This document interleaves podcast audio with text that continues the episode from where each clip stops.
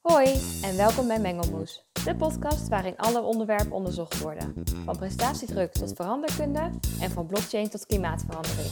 Elke aflevering gaan een aantal studenten van het toptalentprogramma van Saxion in gesprek met een expert om zo alles over een onderwerp te weten te komen. Luister jij ook mee? Nou, leuk dat je weer luistert naar een nieuwe aflevering van Mengelmoes. Mijn naam is Sanne en ik eh, zit hier vandaag met Adeline. Ehm, voordat ik Adeline voorstel, zal ik eerst even mijzelf voorstellen. Eh, mijn naam is dus Sanne, ik eh, ben 21 jaar en ik zit in het vierde jaar van de opleiding Gezondheid en Technologie. En daarnaast zit ik in het derde, dus laatste jaar van het Honors Changing Leadership. En zelf merk ik dat ik altijd best wel veel last heb van uitstelgedrag. En dat is dus ook vooral de reden waarom ik dit onderwerp heb gekozen als ja, gespreksonderwerp van de podcast omdat ik dacht van veranderkunde, ja, ik wil dit graag aan mezelf veranderen, heb ik een uh, spreker opgezocht. En uh, die weet hier veel van af. En uh, die zal mij en hopelijk jullie ook wat tips geven om om te gaan met uitstelgedrag.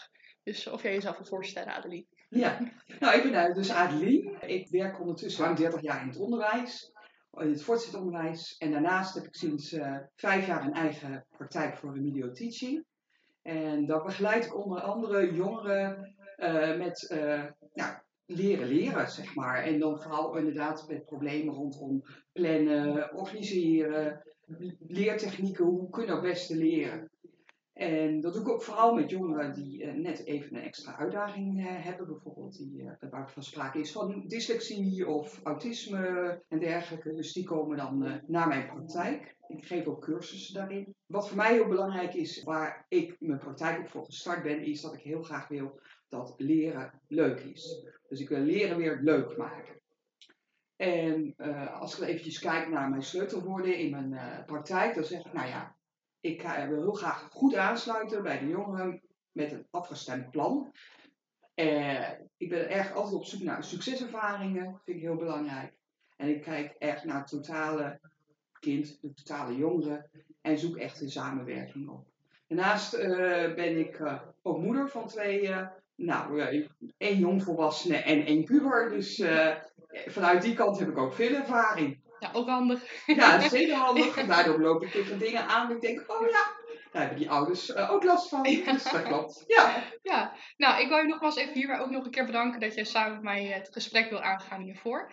En uh, nou, zullen we gelijk maar doorgaan naar het eerste onderdeel, de eerste vraag. Wat voor problemen kan je tegenkomen met leren en studeren? En wat zie je dan vooral in de praktijk voorbij komen. Ja, nou eigenlijk, het, uh, als ik even kijk, ik heb even voor mezelf twee leerlingen bedacht die, uh, die ik in mijn praktijk heb. Die zijn mm -hmm. niet bedacht, maar die zijn, heb ik ook echt hier aan mijn tafel gehad. Ja. De eerste is Dion. Dion die, uh, heeft heel veel moeite met het starten met zijn huiswerk. Hij vindt het heel moeilijk om nou, daarmee aan de slag te gaan. Als hij dan eenmaal is gestart, dan vindt hij het ook nog moeilijk om de aandacht erbij te houden en om die taak af te maken. Want die taak, hij vindt vaak taken saai of juist heel moeilijk. En dan is het ook saai, want ja, je kunt er echt ja. niet zoveel ja. Uh, plannen is daardoor ook een heel groot probleem. Planning maken lukt er nog wel, maar ja, om dan die planning verder uit te gaan voeren, is erg lastig. Erg is na dag 1 de planning al niet klopt, die al niet meer. Daar herken ik heel erg van mezelf. nou, dat, dat zijn, deze jongeren komen veel in mijn praktijk. Dan zijn er ook nog wel wat andere dingen. Zo, ik heb dan een meisje, Sarah. En Sarah is juist heel harde werken. Die werkt mm -hmm. echt keihard en is best heel gemotiveerd. Maar um, ja, ze vindt het heel moeilijk van, om, om het op de goede manier te doen. Dus bij haar is dan heel erg dat, de, de leertechnieken. Van hoe pak je nou iets aan? Hoe ga ik nou een tekst samenvatten zonder dat ik het helemaal overschrijf? Wat niet ja. ook geen resultaat geeft, waardoor ze echt wel slechte mm -hmm. cijfers houdt. Terwijl ze heel hard werkt. Dat zie ik ook heel veel. En daardoor verliest zij op een gegeven moment ook het overzicht. Dus dan ja. is het ook weer heel belangrijk om samen te kijken van wat moet je nou doen en hoe pak je het nou effectief aan. Dus, en, en dat zijn erg een beetje de twee groepen um, qua leren, als ik dan kijk, die in mijn praktijk. Ja, interessant dat het ook zo overkomt dan met elkaar eigenlijk. Ja, ja. ja en al die dingen zijn eigenlijk zoals uh, als, als plannen en ook starten met een taak, mm -hmm. taakinitiatie. Dat noemen ze ja. dan executieve functies. Wil je daar wat meer vertellen over ja. de executieve functies? Tuurlijk, dat wil ik. Maar ik denk het is wel even goed om uit te leggen, even met een beeld. Eigenlijk moet je executieve functies een beetje voorstellen. Um, er zijn allemaal functies, die, dat is, eigenlijk zijn dat leden van een orkest. Eh, en er staat een dirigent voor. Die dirigent, dat zijn eigenlijk die executieve functies. Die zorgen ervoor dat jij zelfstandig kunt functioneren. Dat je efficiënt en zelfstandig kunt functioneren. Mhm. En je gedrag ook in een goede banen kunt leiden. Dat is eigenlijk de definitie van executieve functies. En eh, die dirigent die stuurt dat aan. Die executieve s- functies worden dus aangestuurd. En die zorgen dus voor dat, dat het goed klinkt. Mhm. Als er geen dirigent namelijk voor een orkest staat, nou, dan Ja, heb je een ja. puinhoop. Want iedereen denkt, nou, ik zet maar in en ik doe hard, zacht. En ik, het klinkt nergens naar. Die executieve functies die stu- stuurt dus echt het gedrag aan. En daardoor kan je dus straks kun je zelf efficiënt je organiseren, zeg maar. Dus dat is een heel belangrijke functie. Die zit eigenlijk in je, in je brein aan de voorkant. Dat noemen ze bij de frontaal kwap. Ja. Daar zitten die functies. En ze zeggen dat er twee groepen functies. Mhm. En er zijn groepen, eh, is een groep die, dat noemen we de denkvaardigheden. Die stuurt het denken aan. Dan moet je bijvoorbeeld denken aan functies als metacognitie. Dus zelf kunnen reflecteren op jezelf. Even de helikopterview hebben. Het werkgeheugen. Daar ga ik straks ook nog wel wat meer over vertellen. Want Ja. dat heeft consequenties voor het leren. Ehm, plannen en organiseren. Ook een hele belangrijke.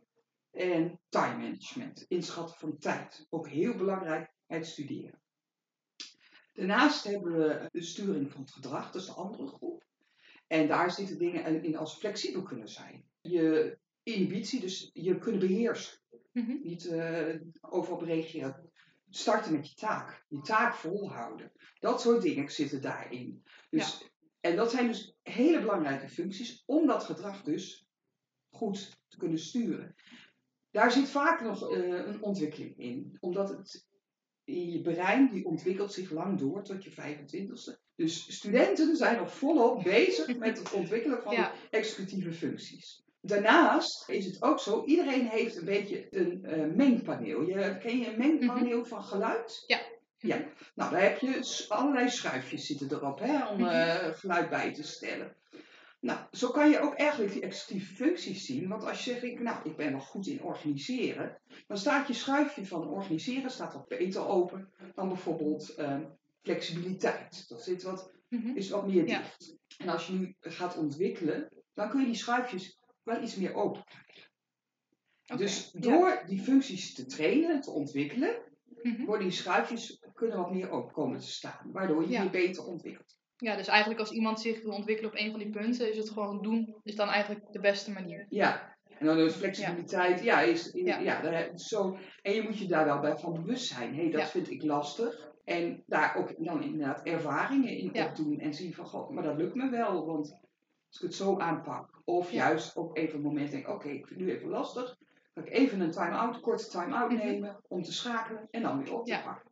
Dat is eigenlijk Ja. een beetje de executieve functies. eh, en Ja. dat heeft natuurlijk alles te maken met studeren ook. Ja, eigenlijk wel, eh, als ik dit zo hoor. Ja. Kijk, en ehm, nou, je hebt het dan nu over die executieve functies gehad.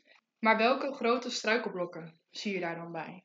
Wat, wat zie je vaak in de praktijk voorkomen? En, Best wel veel! ja, dat geloof ik. Ja, ja. Eh, nou, het eerste, is, en dat wordt heel vaak genoemd, dat telde ik al een Mhm. beetje aan het begin, is die eh planningsvaardigheden. Ja. Ehm, heel veel dingen hangen een beetje met elkaar samen. Maar als ik eh, hier aan tafel zit met leerlingen, eh, dan vraag ik eerst gewoon, wat wil je eigenlijk bereiken? Ja. Echt, ja, dan krijg je eigenlijk aan, wat heeft dat nou met planning te maken? Wat ik heel erg merk is als leerlingen hier binnenkomen, dat ze echt zoiets hebben van ja, ik moet even een planning maken, ik moet die toetsweek doorkomen. Maar eigenlijk zelf zich helemaal geen doelen hebben gesteld. En dan ben je eigenlijk met iets bezig. ja, maar waar je- waarom? Ja. Waarom? Ja. Eh, dus wat heel belangrijk is als je naar planningsvaardigheden kijkt, is eerst dat je gaat afvragen, waarom ga, wil ik dit? Wat zijn je doelen? Want zonder doelen Nee, kan je niks. nergens. Ik heb eh, eigenlijk een beetje het, het metafoor ook gebruikt van, oh hè, je, je, je gaat varen en als jij niet weet waar je heen gaat varen, dan, dan dobber je maar wat. Maar Dus zie jij dan bijvoorbeeld eh, een tentamen halen, is dat dan een goed doel? dat kan een Of, goed of doel moet, moet zijn. dat dan verder gaan? Dat kan ook verder gaan. Maar een- Ja. een tentamen halen met bijvoorbeeld minimaal een 7, Mhm. Of hè, weten, ik moet dat tentamen halen, want ik, anders heb ik straks dat blok. Of is dat Ja, ja. onderdeel niet af, goed afgerond. Kan best een prima doel zijn. Maar dat moet je je wel realiseren. En van daaruit is het inderdaad, hoe ga ik dat dan doen? Wat zijn dan En dan kun je in feite terug gaan redeneren. Ik wil dat tentamen halen met minimaal een 7. Wat heb ik dan daarvoor nodig om dat te bereiken? En dan kan je inderdaad zeggen, nou, daar heb ik voor nodig dat ik al die leerstof heb doorgenomen Ja. en dat ik eventueel daar een samenvatting voor heb gemaakt. Eh, daar heb ik voor nodig dat ik mijn aantekeningen goed bij heb gehouden, dus alle colleges heb gevolgd. En dan vervolgens kan je daarin weer acties maken. Mhm. Dat betekent dat ik volgende week die die eh, hoofdstukken heb moeten doen. Ja. En daar komt dan je planning eigenlijk uit. Ja. Dus een planning heeft altijd een, eigenlijk wel een doel nodig. Ja, dat klinkt eigenlijk wel heel logisch. eh, Als ik Ja, het maar zo dat hoor. is, is heel vaak. Nee, heel vaak dan gebeurt het niet. Nee. Ik denk bij, bij mij, wat ik ook, en wat ik ook veel zie bij andere studenten, is het doel heb je op zich wel. Want ja, Ja. je doet een studie, dus Ja. ja, je weet dat je de studie wil gaan halen. Want je wil uiteindelijk iets ermee gaan doen. Ja. Maar de stappen die daaronder vallen, ik denk dat daar, zo, zoals ik het zie, de meeste eh, fouten worden gemaakt. Klopt ook. Dat is inderdaad het uitstelgedrag. En dan zie je Mhm. inderdaad eigenlijk dat als je een taak wilt beginnen, hè, je wilt Mhm. gemotiveerd aan een taak beginnen. En dat kan op verschillende manieren. Dan is het eigenlijk heel belangrijk om te bedenken van eh, motivatie hangt heel, bijvoorbeeld heel erg af van eh, drie componenten. Eh, en dat is competentie. Denk ik dat ik het kan? Dat Mhm. is betrokkenheid. Is het onderwerp wat ik, waar ik mee bezig ben, interesseert mij dat? En de derde is autonomie, zelfstandig. Heb ik voldoende mogelijkheid om mijn eigen inbreng daarin te brengen? Ja. En wat, je, wat eigenlijk bij uitstelgedrag best heel vaak voorkomt, is dat er ergens op één van die drie een frictie zit. Bijvoorbeeld, je hebt eh, niet helder wat de taak inhoudt en hebt het gevoel van, geen idee. Dus het gevoel van competentie ontbreekt dan bijvoorbeeld. Of je ziet het nut er niet van in, omdat je denkt, wat moet ik nou met dit onderwerp, deel van mijn studie? Ja. Daar zit een stukje eh, betrokkenheid. Of je hebt het gevoel dat de opdracht die je op zich, het onderwerp interesseert je wel, Mhm. maar de opdracht die je moet doen, is niet de wijze waarop je dat zelf zou willen uitvoeren. Je hebt het gevoel dat je er eigenlijk niks over te zeggen hebt. Mhm. Nou, dat soort dingen zorgen bijvoorbeeld voor uitstelgedrag. En daarnaast kan het zo zijn, nou, ook bij uitstelgedrag zie je ook vaak dat mensen zeggen, ja, die taak vind ik niet interessant eigenlijk. En dan vervelen ze. Als ik over uitstelgedrag met, met eh, leerlingen heb, dat, dat gaan we ook inderdaad kijken Mhm. van, is het dan omdat je de taak te makkelijk vindt, de taak te moeilijk vindt, en je het nut er niet van in. Nou, zo ga je een aantal dingen langs. Mhm. En eigenlijk blijkt dan inderdaad heel vaak dat leerlingen het gevoel hebben van, ik kan het niet uitvoeren. Daarin, of ik vind het te moeilijk. Maar, en Ja, dan zeg ik ja. maar en stel ik het uit. Of ik weet niet hoe ik het moet aanpakken. Ja. Dus eigenlijk niet helder wat ik moet doen. En wat bij, bijvoorbeeld bij uitstelgedrag heel erg kan helpen, we komen, we komen straks denk ik ook nog wel op, Mhm. eh, is dat je inderdaad een routine gaat ontwikkelen. Een vaste routine. Want dat is iets wat je kan heel erg kan helpen Mhm. eh, met, met uitstelgedrag. En bij uitstelgedrag kan ook zijn, als je veelt, als je een opdracht gewoon saai vindt, probeer een uitdaging voor jezelf, een andere uitdaging erin te zoeken. Bijvoorbeeld, je kunt ook zeggen van, ik ga moet die taak doen. En die taak is echt te makkelijk of te Ja. saai. En ik ga mezelf een uitdaging geven. En ik ga zeggen, nou, ik denk dat ik die taak in een eh, half uur zou kunnen doen. Ehm, eh, maar ik wil hem echt 10 minuten korter doen. Dus dan ga je jezelf nog een extra uitdaging Ja. opleggen. En dat Ja. kan ook heel erg helpen als er iets in verveling of iets in saaiheid zit. Of dat het te makkelijk is om je op Ja. die manier toch te prikkelen. Om, Om toch het te Ja, gaan doen. ja. ja. Ja, interessant. Ehm, even kijken, waren er nog een paar andere struikelblokken? Want we hebben het vooral gehad over... Nou, eh, inderdaad, dan komt straks op time management, maar die Mhm. komt straks ook wel even terug in het gesprek. En eh, nou, wat ik heel erg zie, dat volgehouden aandacht, dus concentratie en focus. En daar zie je inderdaad dat, dat er nou, andere afleidingen eh, natuurlijk heel erg lokken. Ja, ja, ja. En dat herken ik ook wel van mezelf, dat je Mhm. inderdaad aan het werk bent en dan pliep pliep je telefoon, eh komt Ja. een appje binnen. En in dat verband is misschien wel leuk iets te vertellen over eh, multitasken en Mhm. switchtasken. Oké, Daar is een ja. verschil in. Bij multitasken, dan denken mensen dat je inderdaad met twee taken bezig bent, dat klopt ook. Maar Mhm. dat zijn twee taken, waar, het zijn echt twee eenvoudige taken die je tegelijkertijd doet. Bijvoorbeeld denk aan autorijden. Autorijden heb je geautomatiseerd. Als je in de auto muziek luistert, dan neemt dat echt heel weinig ruimte in. Ik kom zo nog even op de muziek luisteren. Als je gaat switchtasken, dan is het eigenlijk, dan wissel je steeds van aandacht. Stel je voor, je bent eh, aan het, eh, nou, een verslag aan het maken, en zit je in. En inderdaad, pliep, pliep je telefoon. Dan ga je daarop kijken. En dan ben je uit je taak. En als je dan weer teruggaat, dan kost je dat bijna 70 minuten om weer in de volledige concentratie te komen. Dus twee dingen Ja. tegelijk kan niet. Nee. Behalve als er twee dingen zijn die vrij weinig aandacht vragen. Oké, zo. Ja. Zo. Nou, stel je voor, eh, je wilt, gaat werken, je wilt een verslag maken. Mhm. Wat kan dan wel, eh, bijvoorbeeld, je kunt bijvoorbeeld muziek gaan, wel gaan luisteren. Maar dat Mhm. moet muziek zijn van een afspeellijst. Die je heel vaak al hebt gehoord. Oké. Die je dus helemaal kent. Die kan je Ja. rustig opzetten. Want die neemt heel weinig ruimte in je hoofd in, want het is een lijst die je al kent. En Ja. dat kan heel erg juist helpen om gewoon heel erg geconcentreerd Ja, toch in de concentratie te komen. Ja. Als je denkt van ga nieuwe muziek afluisteren Mhm. van mijn favoriete band die ik nog niet heb gehoord. Ja, dat moet je niet doen. Nee, nee, nee, dat klinkt ook wel logisch inderdaad. Dat je dat dus- dan niet... eh, nee. En zoals bijvoorbeeld Ja. Als jij een college volgt en eh, je zit daar een beetje te droedelen, een beetje te tekenen, weet je wel, een Mhm. beetje van Ja, ja. dat is ook prima. Want dat is, vraagt heel Ja. weinig aandacht. Dat heeft met de werkgeheugen te maken. Dus daar zie je ook in die, die, die aandacht. Dat is Mhm. ook een van de struikelblokken. Eh, die eh, heel herkenbaar is voor iedereen die hier aan tafel komt, zeg maar. Yes. Nou, even door op de volgende vraag. Want jij gaf net aan dat mensen het soms moeilijk vinden om te starten aan een taak. Als zij ja, denken dat het heel moeilijk wordt of er tegenop kijken. Hoe zou je dat dan kunnen aanpakken? Ja. Nou, dat heeft te maken onder andere met mindset. De mindset-theorie van Carol, Carol Dweck, die, eh, is, daar hoor je tijd best veel van. Ja. En die zegt eigenlijk, er zijn ja, twee soorten mindset. Ligt er iets genuanceerder. Mhm. Maar je hebt mensen die hebben een vaste mindset. Die denken van, nou als ik heb een bepaalde hoeveelheid intelligentie, die staat vast. Mhm. En daar kan ik niet zoveel verder mee. En denken bijvoorbeeld van ja, wiskunde dat kan ik niet, dus dat ga ik ook nooit leren. Dus daar hoef ik Ja. ook geen moeite voor te doen. Hm. En er zijn mensen die hebben een groeimindset. En dat ehm, houdt in dat je dus zegt van ik kan nog niet zo goed wiskunde, Mhm. maar ik denk dat ik er wel beter in kan worden. En zo'n eh, mindset, de manier waarop jij kijkt naar een bepaalde taak, maakt heel veel uit in de manier waarop je ook met zo'n taak aan de gang gaat. Dus als je denkt van, eh, en het, zo'n beetje per taak kan het verschillen. Hè? Je kan een goede mindset hebben met betrekking tot, nou bij mij bijvoorbeeld eh, rondom leren, alles Mhm. vind ik interessant.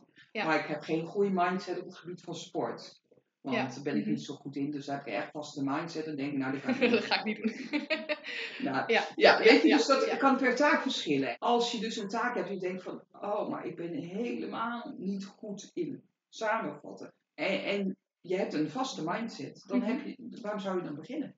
ja, als je het nut er niet achter ziet. Nee. nee. Nee, want je denkt, nou, ik het toch Ja. niet, dus ik Ja. ga toch een voldoende halen, waarom zou ik er moeite voor doen? Ja. En dat zie je heel sterk bij kinderen met, of eh, jongeren met eh, bijvoorbeeld een extra uitdaging, als dyslexie. Mhm. Die hebben heel veel faalervaring opgedaan. En die hebben helemaal zoiets van, ja, weet je, Ja, liever, liever niet lui dan dom, hè? Ja, ja. dat.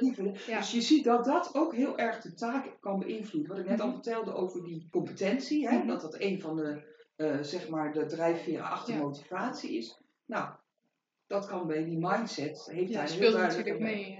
Ja. heel duidelijk mee te maken. Dus als je bijvoorbeeld eh, iets moet doen wat je echt niet zo interessant vindt, en je denkt ook nog dat je het niet kan, nou ja, dan nee. kost het wel heel veel energie om het Ja. toch te gaan doen. Hè? Ja, want hoe kan je bijvoorbeeld bij een bepaald vak dat je het al een aantal keer hebt geprobeerd en elke keer lukt het niet? Hoe kan je dan jezelf toch nog motiveren om, want je wil het wel gewoon halen, om je daar toch toe te zetten om toch die, ja, die mindset goed te houden? Toch die groeimindset aan te houden? Ja. Nou ja, dat is inderdaad. Een, eh, misschien heeft er wel een beetje mee te maken dat je van jezelf bewust bent. Dat je Mhm. inderdaad die gedachten hebt, die belemmeren je eigenlijk. En daarbij te bedenken, sowieso misschien op zoek te gaan van welk stukje zou ik nou wel eh, misschien eh, snappen. Misschien Ja. is dat wel het eerste, om te zoeken van waar in die taak is iets waarvan ik denk dat kan ik best. Want het- niet de hele taak is but, dat kan bijna niet. Nee, dus, Dus een klein altijd wel ergens ja. iets waarvan je denkt, hé, hey, daar kan Ja. ik iets mee. En dat is best wel een proces. Ja, nee, maar het is wel goed om je daar in elk geval bewust van te zijn. Dat Ja. er altijd- wel iets in die taak zit wat je dus wel kan. Ja, En dat je op die manier jezelf eigenlijk positief kan houden om het... eh, ja het gaat dus inderdaad Ja. dat je voor jezelf zoekt naar wat stukje eh, kan wel een succeservaring Ja. geven. Even kijken, je had net ook al wat eh, benoemd over de informatieverwerking. Ja. Ehm, kan je daar misschien ook, want je had het ook over werkgeheugen, zou je daar misschien wat over kunnen toelichten? Ja, het is misschien wel vooral interessant ook met betrekking tot de informatie, eh, Mhm. hè, het, echt studeren, het in je hoofd Ja. zien te krijgen. Nou, ik, ik, heel kort ga ik even vertellen, want het is echt een schema, die kan ik nou niet laten zien. Nee, ja, ik zie Maar- het wel, maar... Ja, ja. Nou, als je informatie eh, tot je krijgt, dan gebeurt dat vaak via je zintuigen. Hè? Je hoort wat, bijvoorbeeld een college, kunt het zien. eh, hè? Ik heb het schema nu voor me. Mhm. Eh, soms kan je iets voelen, ruiken. Al die informatie, die komt in je zintuigelijk geheugen. Ja. Dat is het eerste Mhm. stukje in je brein. En er zijn ook dingen, die komen wel binnen, maar daar besteed je geen aandacht aan. Bijvoorbeeld, ik hoor buiten nu een eh, auto, maar die is helemaal niet interessant. Dus dat komt niet verder. Dat is weg. Oké. Informatie die wel belangrijk is, of die je wel eh, aandacht aan besteedt, die gaat verder naar je werkgeheugen. En het werkgeheugen moet je echt een beetje voorstellen als een soort post-it. Het Ja. werkgeheugen gebruik je namelijk om informatie vast te houden, even kort, en te bewerken en daar iets mee te doen. Mhm. Op een post kun je niet zoveel schrijven. Daar kun je een aantal dingen op Ja. schrijven, maar op een gegeven moment is dat post-itje vol. Bij de een is dat iets voller, sneller vol dan bij de ander. Een werkgeheugen, daar kun je ongeveer zeven blokjes informatie in vasthouden. Ik zeg echt niet expres niet eh, zeven woorden of zo, maar Mhm. blokjes informatie. Want als je informatie aan elkaar koppelt, kun je dat in blokjes in je werkgeheugen Ja. vasthouden. Informatie eh, die gaat vervolgens naar je langetermijngeheugen. Wat gebeurt op het moment dat je echt goed met die stof bezig bent. En ehm, nou, daar komt het in. En als je dan de volgende dag eh, of eh, drie dagen later die informatie eh, op een toets moet doen. Als je dat dan maar één keer in je werk, even een keer hebt gelezen, dan heb je niet onthouden, is die informatie Ja. weg. Want die is niet in je uh, lange termijn geheugen Nee, opgeslagen. Dus wat heel belangrijk is, is een wisselwerking tussen je werkgeheugen en je lange termijn geheugen. Want de werkgeheugen, daarvan wil je dat bepaalde informatie opgeslagen wordt in het lange termijn geheugen. En je wilt dan ook als je op de toets zit en je op je tentamen, dat die informatie plop uit je lange termijn geheugen naar je werkgeheugen. En dat je er wat mee kan doen. En dat je dan uiteindelijk het op de goede manier in je tentamen kan schrijven. Dus het is heel belangrijk om dus te herhalen. Oké, dus ja. één keer lezen is Dat niet dus. studeren. Want dat onthoud je allemaal niet. Want er kunnen maar zeven blokjes op dat werkgeheugen. Ja. De rest valt er vanaf. Dat is al één. En de tweede is, als je eh, niet eh, regelmatig die koppeling oefent tussen je lange termijn geheugen en je werkgeheugen, dan is het weg, is die informatie Ja. gewoon weg. Dus herhalen, en dat vinden heel veel studenten en leerlingen niet leuk, herhalen is Ja. echt belangrijk. En dat is eigenlijk, eh, ja, ook zo'n vijf keer herhalen is wel heel belangrijk. En wat daarnaast ook heel belangrijk is, is dat je, als je je werkgeheugen, ehm, dat je maar een heel korte tijdje echt goed kan focussen om die informatie op te nemen. Het is bewezen dat je eigenlijk maar zo'n half uur Mhm. goed gefocust kan werken, waardoor je ook die informatie helemaal kan opnemen. Ja. En als je heel veel langer gaat leren, zoals studenten ook doen, even de hele nacht Nacht doorhalen, heeft niet zo heel veel zin. Nee. Want je onthoudt eigenlijk alleen maar wat je aan het begin van het blok hebt geleerd en aan het eind. Dus aanrader, als je studeert, neem pauzes. Ja. En leer dus ongeveer een half uur, drie kwartier. En gebruik daarna die tijd om, eh, Om even eh, pauze te houden. Ja. Dan kan het ook even landen. En Ja. dan kan je het eh, daarna weer fris tegenaan. Ja. Dat heb je echt nodig. Slaap is daarom ook een hele belangrijke. Ja, nou, ik merk bij mezelf ook dat ik op een gegeven moment heb geleerd ook om die pauzes in te lassen. Dus ik had altijd een schema eh, waarbij ik vier blokken had van een kwartier. En die vulde ik, drie daarvan vulde ik in met wat ga ik doen. En één daarvan was altijd een pauze. Ja. Dus ik, ik werk, merk bij mezelf dat het heel erg goed Ja. werkt inderdaad. Ja. Je hebt daar apps voor, Pomodoro bijvoorbeeld heet dat. Mhm. Eh, maar goed, je kunt ook gewoon een wekkertje gebruiken, maakt allemaal niks uit. Nee. Je timer op je telefoon, maakt allemaal niet uit. Maar dat is wel heel belangrijk eh, om mee te nemen. Want één keer lezen is niks. Nee, dat werkt niet. En de hele nacht doorhalen, kan je werkgeheugen allemaal niet aan. Kan je geheugen Nee. niet aan. Dat Nee. gaat gewoon niet werken. Nou, met dit eh, in onze hersenen nu, gaan we gelijk maar even door naar eh, de ervaringen van andere studenten. Ehm, dus die gaan we even eh, beluisteren. En dan nu ons standaard topic, een mengsel van meningen, waarin we het onderwerp van deze podcast ter discussie stellen. Ik kan inschatten hoeveel tijd een opdracht zal kosten. Ik kan het inschatten als het echt binnen een uur af moet zijn, kan ik het ook wel binnen een uur. Maar vaak ga ik er wel overheen omdat ik gewoon te veel op kleine details let waar niemand ooit op gaat letten. Voor mijn gevoel kan ik altijd best wel goed inschatten hoe lang ik bezig ben met een opdracht. Maar achteraf blijkt best wel vaak dat, dat ik dat toch een beetje verkeerd heb ingeschat. Dus mm, nee, ik ehm, ben daar niet heel goed in. Uh, nee, dat vind ik heel erg moeilijk. Ik zit vaak van tevoren helemaal in mijn hoofd met, oh, dat moet ik nog doen. En dat duurt zo lang. En daar heb ik helemaal geen zin en tijd voor. En dat gaat zo lang duren. En uiteindelijk als ik ervoor zit, dan duurt het echt vaak, nou, minstens de helft korter dan dat ik dacht.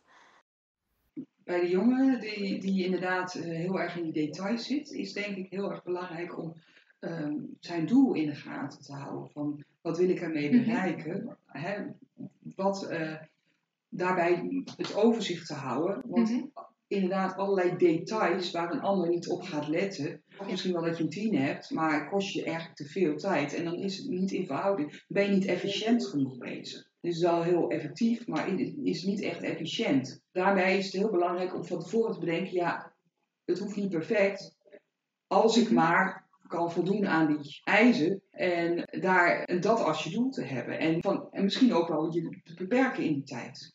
En de, de tweede die gaf aan dat ze ehm, eigenlijk achteraf altijd verkeerd inschatten hoeveel tijd iets kostte. Dus dat dat niet echt heel goed gaat. Ehm. Nee, nou ja, wat, wat je bijvoorbeeld als je dan in een planning zit, dat is misschien altijd ook met een planning, stel dat je een planning hebt gemaakt, je hebt die tijd ingeschat. Wat ik altijd zeg is, zorg dat je extra blok of een extra moment hebt waarin je uh, dingen waar je nog niet aan toe bent gekomen, dat je die daar kunt doen. Dus zorg altijd dat je een reserve tijd hebt die je gewoon vast ook inplant. Dat is ook altijd heel belangrijk. En waarvan je zegt, nou, elke zaterdagmiddag of zaterdagochtend heb ik van 10 tot 12 nog tijd voor de dingen die niet af zijn. En als dingen wel af zijn, eerder af zijn, dan is het op zich helemaal geen probleem. Nee, dan heb je die tijd gewoon vrij eigenlijk. Ja. En door ook natuurlijk steeds te timen van hoe lang duurt een taak bij mij, krijg je wel steeds meer inzicht in hoe lang iets duurt. Nou, dat is ook wel een goede, denk ik. Uh, in ieder geval die tijdsblokken extra te plannen. Ja. Um, ja, en de laatste die gaf aan dat ze um, eigenlijk typisch uitstelgedrag vertoont. Eigenlijk denkt van, oh, dat is heel moeilijk en het kost zoveel tijd. En dan eigenlijk dat ze achteraf denkt van, hé, hey, ik dacht dat het een uur zou kosten, maar het kost me eigenlijk maar een half uur. Ja. Dat is heel zonde energie, hè? Echt, dan denk ik van, goh, ga er gewoon direct aan zitten. Weet dat het uh, niet leuk is, of misschien saai mhm. is, of misschien wel moeilijk is, maar pak het er gewoon op. Want eigenlijk is dat, die tijd die je dus er tegenaan hebt zitten hikken, had je aan leuke, leuke dingen kunnen besteden. Als je de opdracht wel klaar had. In feite had je, als je het af had gehad, had je direct met je vrienden op stap kunnen gaan. En dat wat je nu aan één stuk door maar aan het uitstellen zit toch in je hoofd. Het geeft toch onrust. Wat ik ook heel erg belangrijk vind, is een mhm. vaste studeerroutine. Mhm. Zorg gewoon dat je momenten plant in de week waarvan je zegt, die pak ik altijd voor mijn studie. En als jij zegt, ik ga elke uh, dinsdag, kom ik uit mijn college om uh, vier uur of noem maar wat. En ik pak de hele dinsdagavond. En ik ga van vier tot zes. En dan ga ik daarna even eten. En dan ga ik daarna van uh, half acht tot tien mhm. nog een keer aan mijn studie. Als je elke week en elke dag zulke momenten prikt, dan is het op een gegeven moment gewoon. En dat is iets wat uh, je heel veel houvast geeft. Oké, okay. goeie. Gaan we luisteren naar de volgende. Ik weet hoe ik doelen moet opstellen en wanneer ik deze heb behaald. Ik weet het een soort van, mijn ex heeft het me heel vaak geprobeerd uit te leggen, met uh, dat je een to-do-list moest maken. En moest afstrepen wanneer je het klaar had. Want als je het uh, afstreept, dan geeft dat een soort van voldoening. Ik, dus ik weet het wel, alleen lukt het bij mij nooit echt. Want ik maak heel vaak een to-do-list. Maar ja, als ik dan die to-do-list maak, ga ik vervolgens niks afstrepen. En ik zet de hele dag door, zet ik nieuwe dingen bij op die to-do-list. Waardoor dit uiteindelijk gewoon veel te veel wordt. Dus je toch never nooit afkrijgt. Um, ik weet wel hoe ik doelen moet opstellen wanneer ik ze heb behaald. Uh, alleen ja, door mijn uitstelgedrag um, haal ik die doelen meestal niet op de manier hoe ik ze wil halen. Of wanneer ik ze wil halen, zeg maar. Ik stel niet echt heel erg doelen voor mezelf, maar Eh, wat ik wel doe is altijd eh, een to-do-lijstje maken met een x aantal punten. En eh, die aantal punten moet ik gewoon voor het einde van de dag af hebben gemaakt. Eh, alleen meestal is dit ehm 100%. Dus ik, en ik geef me nooit helemaal 100%. Dus vaak zijn de punten die ik opschrijf meer dan dat ik eigenlijk kan. Nou, we hebben ze geluisterd en eigenlijk kwamen we erachter dat ze toch wat overlapping hadden. Dus daar wou je wat over zeggen. Ja. Ja. Ja, wat ik heel mooi vond, is dat in die fragmenten eh, doelen en to-do-list een beetje door elkaar liepen. Doelen, dat is naar waar je naartoe wil. Dus Mhm. wat is je uiteindelijke doel? Eh, ik wil dat tentamen halen met een 7. En de to-do-list zijn eigenlijk je acties die je hebt om dat doel te gaan bereiken. Mhm. En wat ik heel mooi vond in het eerste fragment van de jongen, is dat hij zegt eigenlijk die to-do-list, die, eh, die maak ik. Ik streep niks af. Hij weet dan inderdaad wel dat het eigenlijk ontzettend handig is, maar hij eh, vult hem ook continu aan. Eigenlijk heeft hij een to-do-list, maar die heeft hij niet aan tijd gekoppeld. En wat Mhm. natuurlijk heel handig is, en dat was ook in het laatste fragment dat meisje, en toen- het is handig om van tevoren te bedenken, ik heb allemaal die punten, die kun je allemaal gewoon opschrijven. Maar ik ga vandaag alleen die dingen, ga ik mee aan de slag. En dat heeft natuurlijk weer met time management te maken. Van kan ik inschatten hoeveel tijd ik nodig heb Mhm. voor die taken. En dan moet je gewoon de drie taken pakken waar je. Die realistisch zijn in de Ja. tijd die je ervoor hebt. En die andere taken die dan allemaal nog te binnen schieten, je beter op die lijst zetten. Die, En de die algemene lijst. een algemene lijst. En Ja. niet door elkaar gaan gooien, oh dit moet ik allemaal doen. Als je niet realistisch daarin bent, en je Mhm. denkt van nou ik zet alles op die lijst en ik zie wel wat ik afkrijg, Mhm. Dan gaat dat niet werken. Dan krijg je inderdaad dat een eindeloze lijst. En wat daarbij ook heel belangrijk is, eh, is dat je eigenlijk de taak waar je het meest tegenop ziet, kun je eigenlijk het beste als eerste doen. Want dan heb je namelijk die taak gedaan. En als ik die Ja. als eerste heb gedaan, dan kom je in die flow. Want dan heb je, yes, die heb ik af. Gaan we gelijk door naar de volgende. Ik weet wat mij afleidt en hoe ik deze afleiding weg kan nemen. Wat me afleidt is als ik alleen aan het werk ben. Dus zeg maar eh, echt alleen op mijn kamer zit. En als ik dan moet gaan lezen, ik hou daar echt niet van. Dus alles, alles leidt me op dat moment af. Ehm al vliegt er een vlieg rond op die kamer, dan vind ik het interessanter om te kijken in wat voor rondjes die vlieg aan het vliegen is dan om dat boek te gaan lezen. Terwijl als ik een boek moet lezen en ik zit gewoon ehm, in de woonkamer of zo, of weet ik veel wat. En er zijn mensen om me heen, dan kan ik me veel beter concentreren op het lezen, omdat ik dan iets heb van oké, ik moet lezen. Eh, ik weet wel goed wat me afleidt. Dus niet alleen mijn telefoon als ik bijvoorbeeld wil leren, maar ook gewoon eh, mensen om me heen. Eh, omdat ik van mezelf weet dat ik het gewoon gezellig vind om, om erbij te zitten of om eh, een praatje te maken. Ik weet dat ik heel erg snel afgeleid ben door eh, WhatsApp als ik dat op mijn computer aan heb staan. Dus vaak zet ik web WhatsApp ook gewoon uit. En leg ik mijn telefoon achter mijn laptop of aan de andere kant van de kamer neer. Nou, heel interessant. eh, het eerste voorbeeld van die jongen, die vertelde over dat lezen. Dat is misschien wel even grappig om te vertellen. Van dat lezen, dat eh, als je gewoon aan het lezen bent, op, lees je vaak op hardop leessnelheid in je hoofd. En Mhm. dat neemt eigenlijk heel weinig hersencapaciteit in. Ja. Dus eh, je ziet dan vaak dat inderdaad mensen afgeleid worden. Zeker als het niet interessant is. Wat dan inderdaad, wat hij heel mooi beschrijft, is op het moment dat hij dus beneden gaat lezen, is het achtergrondgeluid. Hè, waar we hadden net over dat multitasken met muziek eh, opluisteren. Als dat heel weinig ruimte inneemt, dan is dat helemaal eigenlijk prima. Want dan helpt je dat juist bij de concentratie. Dat geldt bij hem met die woonkamer. Als hij achterop gaat zitten, is dat achtergrondgeluid, dat, dat, dat helpt hem om die concentratie te verbeteren. Eh, en wat daarbij dus eigenlijk de tip is, is inderdaad, zorg dat je iets doet wat heel weinig ruimte inneemt. En daarnaast daag jezelf uit om te zeggen, nou die tekst, die lees ik gewoonlijk in eh 10 minuten en nu ga ik de helft van de tijd proberen. Moet je je wel meer focussen. Wil je dat halen? Bij hem zou bijvoorbeeld snel lezen best een hele goede tip zijn als techniek. Oké. Nou, en daar ga ja. ik niet verder niet over Nee. uitleggen, maar moet hij maar Nou, moet hij maar zelf gaan opzoeken. Hij Snel lezen dus. ja. Ja. De- ja, en verder kwam natuurlijk ehm, ja, de telefoon. kwam veel naar voren. Ja, en dat is eigenlijk toch dan inderdaad, zorg dat afleiding niet in de buurt is. Of zorg voor een blokkeer-app. Of eh, dwing jezelf om te zeggen, ik ga nu een half uur zonder telefoon. Ja. Dan heb je direct een blok wat je Ja, dan hebt. ja, Dan kun je daarna je telefoon even weer eens even erbij pakken. Maar dat is toch echt proberen die, die, die, zoveel mogelijk die dingen uit te bannen met het idee. Ga je dus switchtasken, kost het je bijna zeven minuten om je weer te concentreren op je taak. Hoe zonde tijd is dat? Dus echt niet doen. Oh, ja, ik nog één leuke. Het is ook heeft wel een beetje met het uitstelgedrag te maken. Mhm. Maar ik had net al verteld van het werken in blokken. Zeg maar, starten met een taak die moeilijk is, hè, waar je Mhm. vervelend vindt. Wat je ook voor jezelf kunt doen als je heel erg uitstelgedrag hebt en je snel laat afleiden. Is zeggen van, ik ga ervoor zorgen vandaag dat ik die taak in ieder geval 10 minuten doe. Dus dan zeg je van, ik maak een heel kort stukje. Ga 10 minuten aan die taak werken. En eh, lang hoeft niet. En op het moment dat jij er aan mee aan de slag gaat en je bereikt dat, dan is dat prima. Maar vaak zie je dan dat je dan Toch de zin door, hebt gekregen ja. en toch doorgaat. Of één onderdeeltje waarvan ik, oh dat vind ik wel leuk, dan ga ik daar eerst mee aan. Ja, en dan ga je daarna Ja. de moeilijke dan Ja. aanpakken. Ja. Oké, goeie. Dan gaan we nu door naar de volgende. Ja. Met betrekking tot studeren kan ik goed prioriteiten stellen.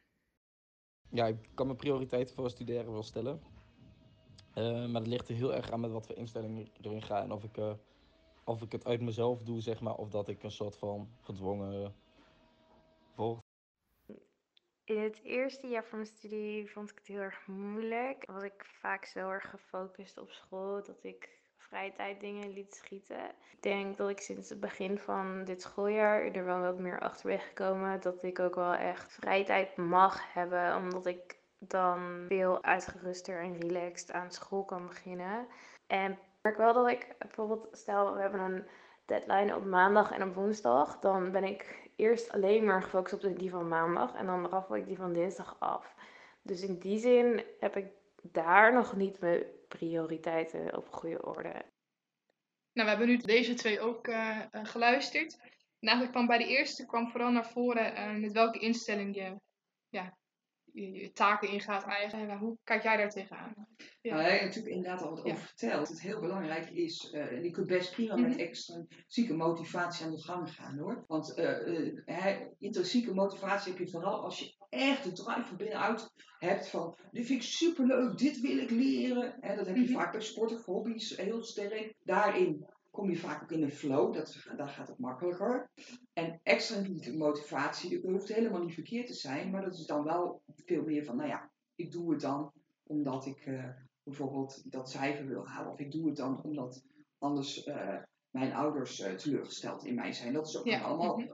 zijn. En dat kost je natuurlijk veel meer energie. En dat, Ja. daar, daar, toen moet je je echt zetten. En de tweede, die, daar gaf ze eigenlijk aan dat ze in het begin in het eerste jaar eigenlijk geen vrije tijd eh inplannen, of niet genoeg in elk geval. Nou, daar hebben we natuurlijk ook wat over gehad, dat het dus heel belangrijk is om die vrije tijd wel in te plannen, om ook je werkgeheugen op die manier eh, Ja. wat rust te gunnen eigenlijk.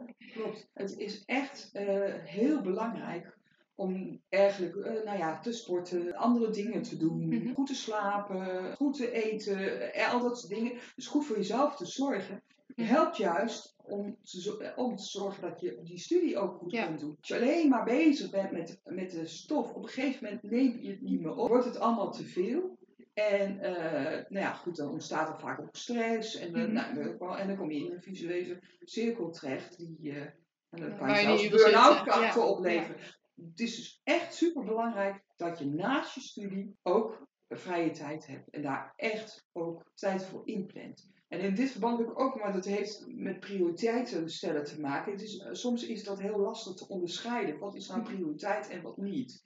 En wat wel een hele mooie daarbij is, is eh, het, het prioriteitenkwadrant. Is dat je jezelf je taken verdeelt. Hè, de dingen die, dus, eh, die je op je, in je agenda hebt staan. Mhm. Verdeeld in vier blokken. Je hebt een blok niet belangrijk en niet dringend.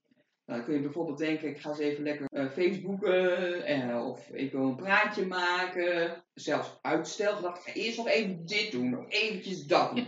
Het is, eigenlijk zijn taken die niet belangrijk zijn en niet dringend. Je kunt ook zeggen, ik heb taken eh, die zijn niet echt belangrijk, maar zijn wel dringend. Ik moet even een mailtje beantwoorden van een vriendin.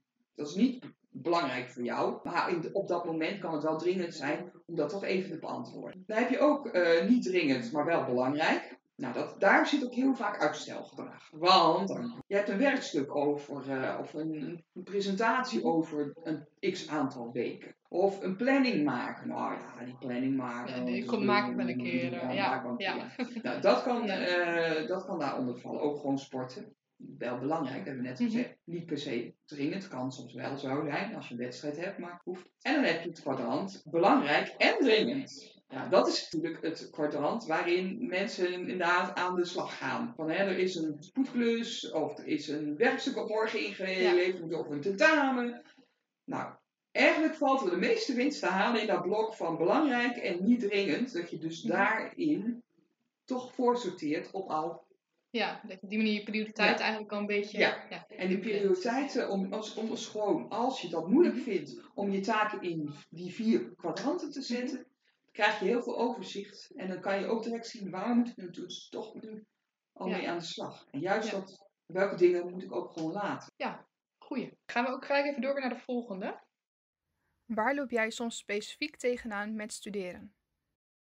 Uh, ik loop vaak toch wel tegen de planning aan. Um, dat is dat uitstelgedrag. Dat ik, ik weet dat ik heel veel moet doen. En het geeft ook best wel veel onrust in je hoofd. Als je weet dat je nog heel veel moet doen. En, en toch laat ik het elke keer weer tot het laatste moment liggen. Dus dat is echt wel een groot ding waar ik tegenaan loop. Tegen het plannen en me daaraan houden bij mijn studie moeten we heel erg veel uh, doen in groepjes. Waar ik dan tegenaan loop is de verdeling van de taken. Dat ik heel erg af en toe het idee heb dat ik te weinig doe in het groepje. Terwijl dat het dan eigenlijk wel meevalt. Maar daardoor neem ik alleen maar meer taken op me. En kom ik soms een beetje over in het werk. En ga ik me dan weer aan irriteren dat anderen niet genoeg doen. Over de eerste hebben we eigenlijk al heel uitgebreid gehad over het uitstelgedrag. Mm Daarbij zou ik haar toch adviseren om toch inderdaad die prioritering ook erbij te nemen. To-do-lijst, toch echt een planning maken. En een planning, ook daar kan je weer, dat zeg ik heel raar, maak een vast moment in je planning voor het plannen. Dus als je elke week je agenda overziet, dat was net als dat meisje die zei van, eh, dan ben ik wel met maandag bezig, maar niet met woensdag. Maar als je elke week gewoon even vooruitkijkt op je de week die komt en ik liever ook nog op de twee weken die komen. En daar een vast moment in de week voor plant, net zoals je een reserveblok plant, ja. dan uh, helpt dat je dus om die planning te doen. Dus elke week plan je ook een vast moment voor het plannen. En de tweede is heel interessant. Dat gaat natuurlijk over samenwerken en mhm. groepsdruk. Dat hoor ik heel veel ook, vooral van studenten inderdaad. Mhm. Ze in groepen moeten werken en dat dan blijkt van allerlei regeldingen op zich nemen en dat de rest achterover gaat leunen. De verantwoordelijkheid daar laten waar die uh, moet, is best een leerproces.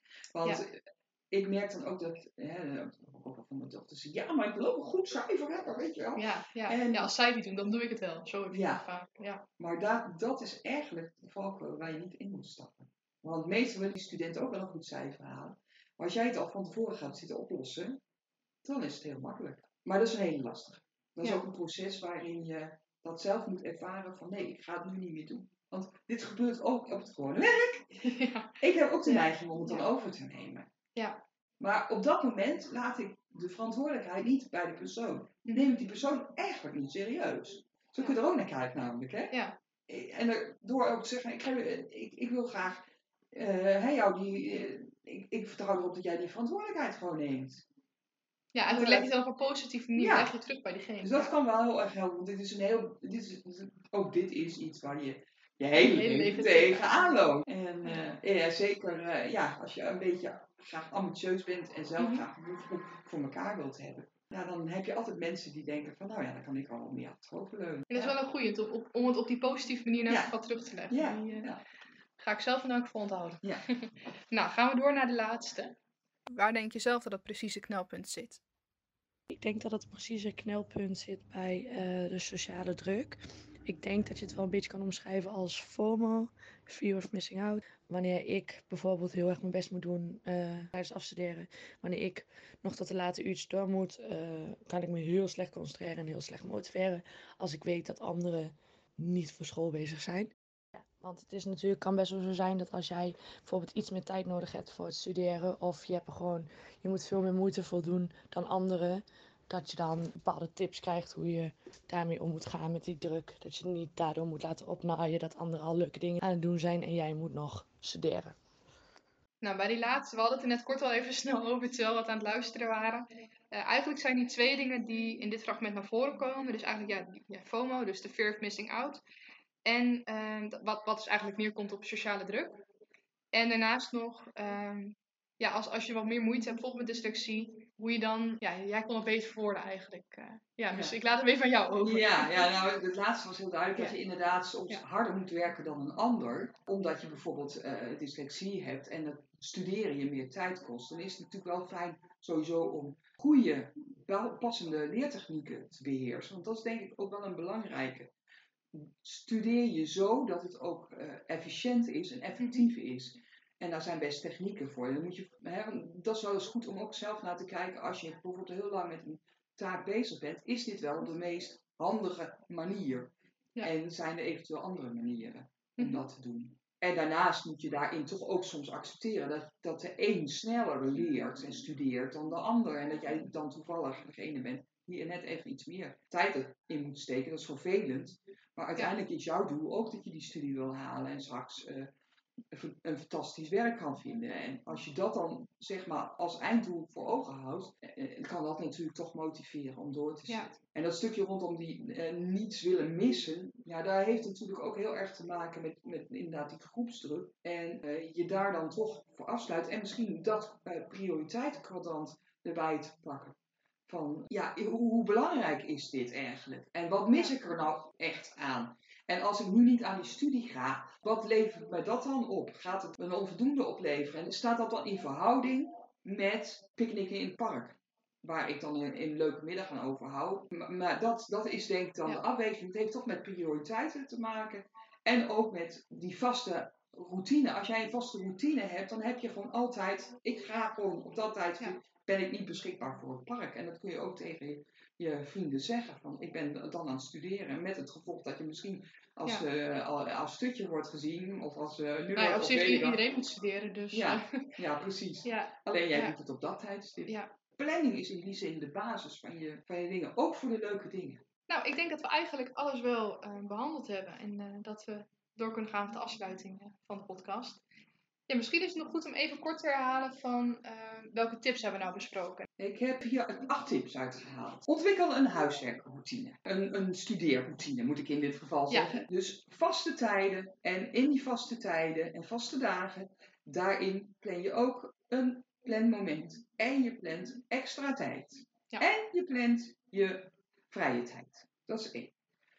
Het tweede is, eh, als je leert, plan pauzes in. Dus ga niet een nacht doorhalen, maar werk in blokken. En neem dan steeds een korte pauze. Derde tip is, die heeft alles met het werkgeheugen te maken. Herhaal alles minimaal, nou vijf keer is misschien heel veel, maar probeer echt herhaling in te bouwen. Die is echt heel belangrijk, zodat je dat echt kan opslaan in je lange termijn geheugen. Anders raakt het weg. Eh, de vierde tip is gebruik passende, effectieve en efficiënte studeertechnieken. Mhm. Dus ga op zoek naar wat jou helpt daarbij, wat technieken zijn die bij jou passen. En als je denkt, nee, ik doe dit niet handig, ga informeren hoe anderen het aanpakken. Ga kijken wat er mogelijk is. Dan kan ik denken, bijvoorbeeld samenvatten, mindmappen. Je kunt denken aan snel lezen, wat ik net ook eventjes noemde. Je kunt denken aan hoe eh, stamp ik feitjes, eh, gebruik ik daar beelden bij. Nou, van allerlei technieken, Mhm. Ja, loop ja. je route, ik verzin het. Er zijn van allerlei technieken. Vijf is, als je wisselt ben je af. Dus zorg ervoor dat je niet gaat switch-tasken. Mhm. Eventueel kun je wel multitasken door een taak te nemen die weinig ruimte inneemt. Stel je prioriteiten. Mhm. Denk, wat is belangrijk? En eh, Ja, wat, moet ik, wat is Ja. minder belangrijk? Wat is helemaal niet belangrijk? En is ook niet dringend? Ga daar Mhm. je tijd niet aan verbeuzen. Weet waarvoor je het doet. Dus weet wat je doelen eh, zijn. Wat wil, je- wat wil je mee bereiken? En tot slot, en dat is heel, heeft heel erg met die mindset te maken. Leer van je fouten. En durf gewoon fouten te maken. Want fouten, daar kan je wat van leren. En dat is Ja. niet erg. Je faalt niet direct als je een fout maakt. Leer er dan ook van. Nou, dat zijn eigenlijk de tips. Ik denk dat ik daar het heel goed mee samen Ja, dat denk ik ook. Als ik het zo hoor, dan denk ik van ja, dat, dat is eigenlijk precies wat we allemaal net Ja. besproken hebben. Ja. Nou, dan wou ik je bij deze nog heel hartelijk bedanken dat je je tijd in wou steken. En dat je ook gewoon, uh, ja, dat we samen gewoon een leuke podcast, een interessante podcast hebben opgenomen. Ik heb er zelf in elk geval heel veel aan. Ik denk mensen in mijn omgeving ook. De mensen die dit, uh, de geluidssegment hebben ingestuurd waarschijnlijk ook. Want die waren allemaal uh, te laat, hadden allemaal uitgesteld om het te gaan doen. En zo ken ik nog wel meer mensen die ja, ook veel aan het uitstellen zijn. Dus ik, ik denk dat deze podcast hun in elk geval kan helpen. Maar nou, mij heeft het in elk geval al geholpen. Dus... Nou, ik vond het heel erg leuk om te doen. Dank je wel dat je me gevraagd hebt. Ja. En uh, nou, ik hoop inderdaad dat uh, mensen er wat aan hebben en ja. dat ze met die tips iets kunnen. Ja. Dus ik uh, ben heel benieuwd. Yes, nou, sluiten we daarmee af. Ja. Vond je dit een leuke podcast? Luister dan elke twee weken naar een nieuwe aflevering van Mengelmoes. Voor meer informatie over ons toptalentenprogramma kan je ons volgen op Instagram, ap.cl. Tot de volgende keer!